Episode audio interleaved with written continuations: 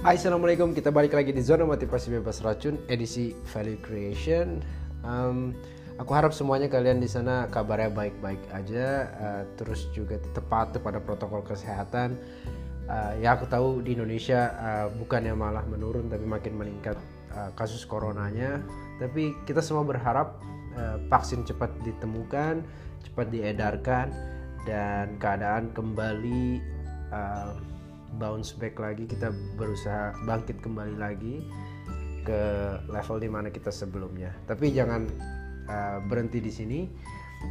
Hanya sebagai alasan bahwa corona adalah penyebab semuanya kita menjadi malas-malasan. Dan itu adalah big no. Jadi di edisi podcast kali ini aku bakal ngebahas sebuah namanya kecerdasan emosional atau emotional intelligence.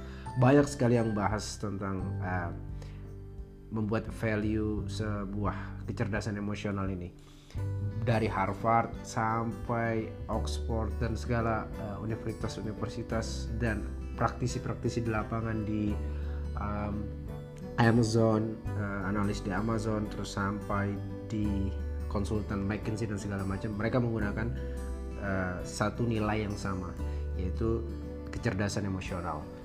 Uh, kecerdasan emosional ini adalah beberapa elemen yang bisa membentuk motivasi kita gitu ya.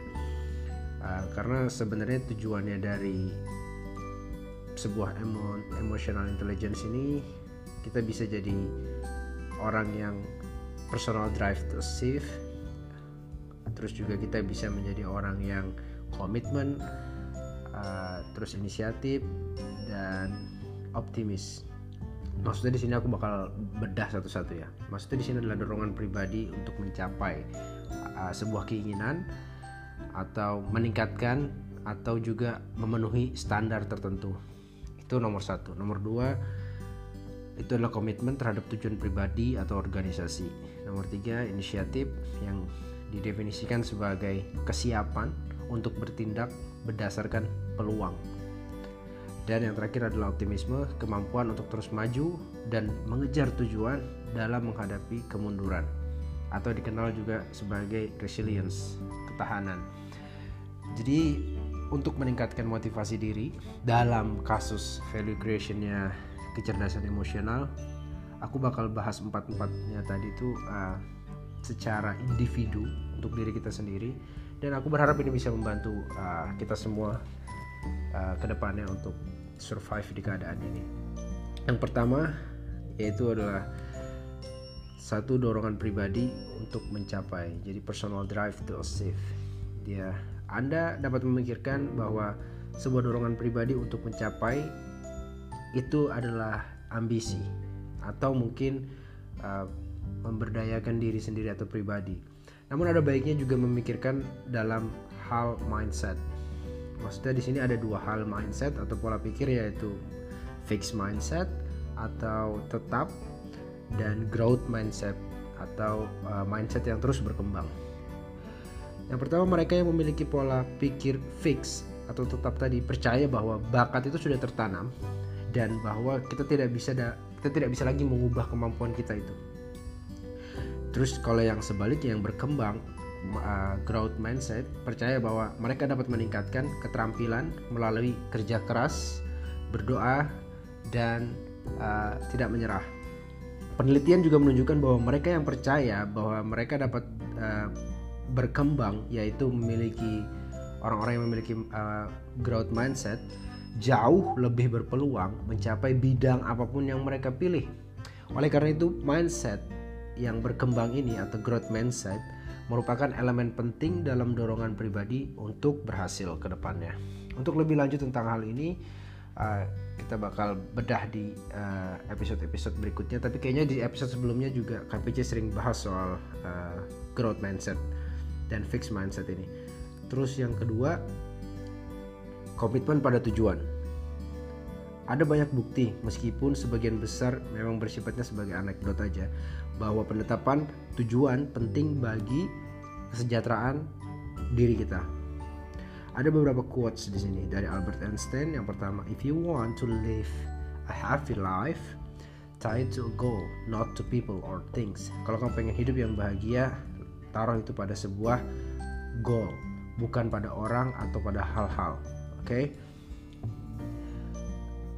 Dan yang kedua dari Ted Turner. You should you should set goals beyond your reach so you always have something to live for. Kamu harus menaruh goals jauh daripada jangkauanmu jadi kamu akan selalu mempunyai sesuatu untuk diperjuangkan.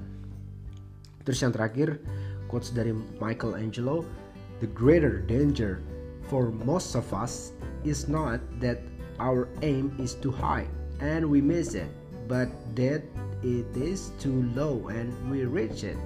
Sebenarnya bahaya terbesar dari uh, kita semua adalah bukan sasaran kita yang terlalu tinggi, tapi kita melenceng atau bahkan lebih rendah dari apa yang kita pengenin dapat. Jadi di sini kita lanjut lagi ke konteks komitmen pada tujuan. Ini tentu masuk akal bahwa if you aim at nothing, it is easy to achieve it. Jadi maksudnya adalah kalau kamu nggak punya tujuan apa-apa, itu mudah untuk mencapainya. Dan bahwa kebanyakan dari kita membutuhkan sesuatu dalam hidup sebagai tujuan. Memiliki kesadaran di mana kamu ingin berada dalam pemahaman tentang bagaimana kamu berencana untuk sampai ke goalsmu, ke tujuanmu itu adalah bagian penting untuk tetap termotivasi. Kita lanjut ke nomor tiga uh, inisiatif inisiatif secara efektif adalah kemampuan untuk memanfaatkan peluang yang terjadi. Terlalu mudah untuk ragu dan kemudian kesempatan bisa hilang. Namun pepatah lama uh, sering bertebaran yaitu uh, berpikir sebelum kamu uh, lompat atau look before you leave and then Fools rush in where angels fear to tread. Orang-orang bodoh buru-buru ke tempat malaikat maut untuk melangkah. Memiliki banyak kebenaran di dalam dua uh, pepatah tadi.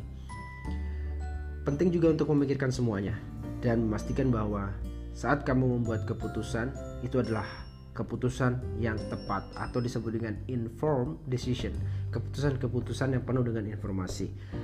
Oleh karena itu, Inisiatif dapat dianggap sebagai kombinasi keberanian dan manajemen risiko yang baik. Kita bedah lagi, manajemen risiko di sini maksudnya adalah um, hal yang bisa memastikan kita bahwa kita bisa mengidentifikasi, mengenali peluang yang tepat untuk dipertimbangkan dan bahwa ternyata peluang tersebut memang memiliki tingkat risiko yang sesuai dengan diri kita. Terus yang kedua tadi adalah kombinasi keberanian dan manajemen risiko yang baik. Yang kedua adalah keberanian.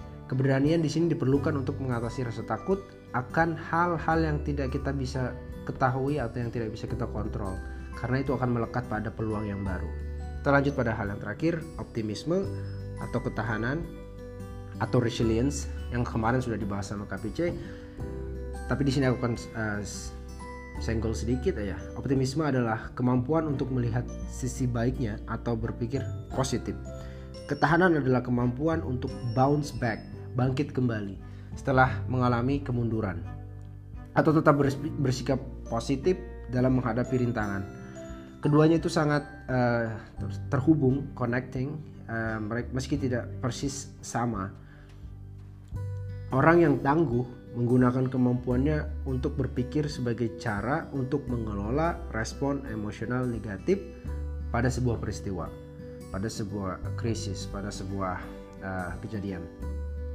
Dengan kata lain, mereka menggunakan pemikiran positif atau rasional untuk yang pertama dia cek. Setelah dia cek, dia akan mengatasi dengan reaksi yang mereka pahami walaupun dia tahu tidak sepenuhnya logis. Dan mereka juga siap untuk meminta bantuan jika perlu, serta menawarkan bantuan mereka sendiri dengan murah hati kepada orang lain yang membutuhkan. Oke mungkin itu semua uh, dari aku untuk uh, minggu kali ini. Um, aku harap kalian terus dengerin uh, podcast Zona Motivasi Bebas Racun ini dengan semangat yang terus meningkat pada setiap minggunya. Dan kita ketemu lagi minggu depan. Terima kasih. Bye bye.